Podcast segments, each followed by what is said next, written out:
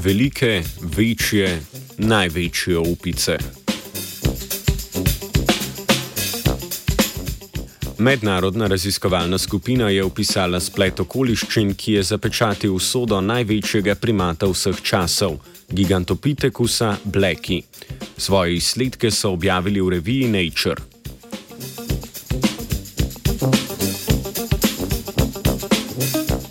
Gigantopithecus je do svojega izumrtja v sredini Pleistocena zasedal ključno ekosistemsko vlogo v megafauni subtropskih gozdov jugovzhodne Kitajske.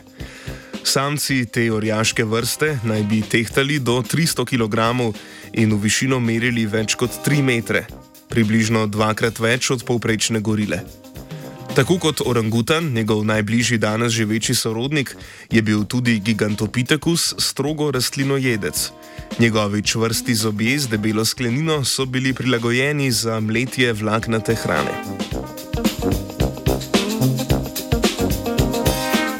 Raziskovalci in raziskovalke so analizirali 157 vzorcev sedimenta iz 22 različnih jam na jugu Kitajske.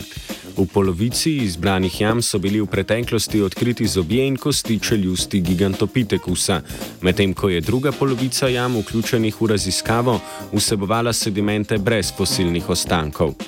Z radiometričnim datiranjem vzorcev so pokazali, da gigantopitekus iz geološkega zapisa izgine pred približno 250 tisoč leti.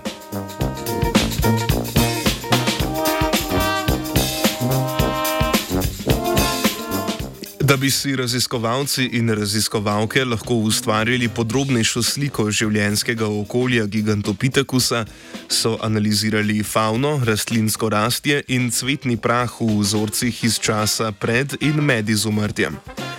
V času svojega številčnega razcveta je gigantopitekus naseljeval raznolik habitat, v katerem so prevladovale drevesne vrste z zaplatami travišč. Obdobje izumrtja medtem zaznamuje rečenje in izginjanje gozdov, večja razširjenost grmičovja in odprtih travišč ter zmanjšanje vrstne pestrosti drevesnih vrst.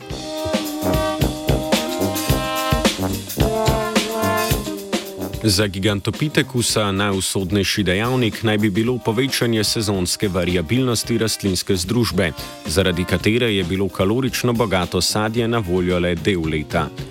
Orjaški primat se je moral več generacij zato vedno bolj zanašati na energijsko revnejšo hrano.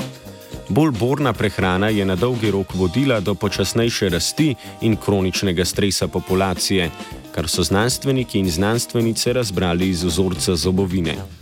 Sprememba življenjskega okolja, ki je pokopala gigantopitekusa, pa je prizanesla njegovemu manjšemu in manj specializiranemu bratrancu orangutanu, ki, bil, ki se je bil zmožen uspešno preusmeriti k drugim virom hrane.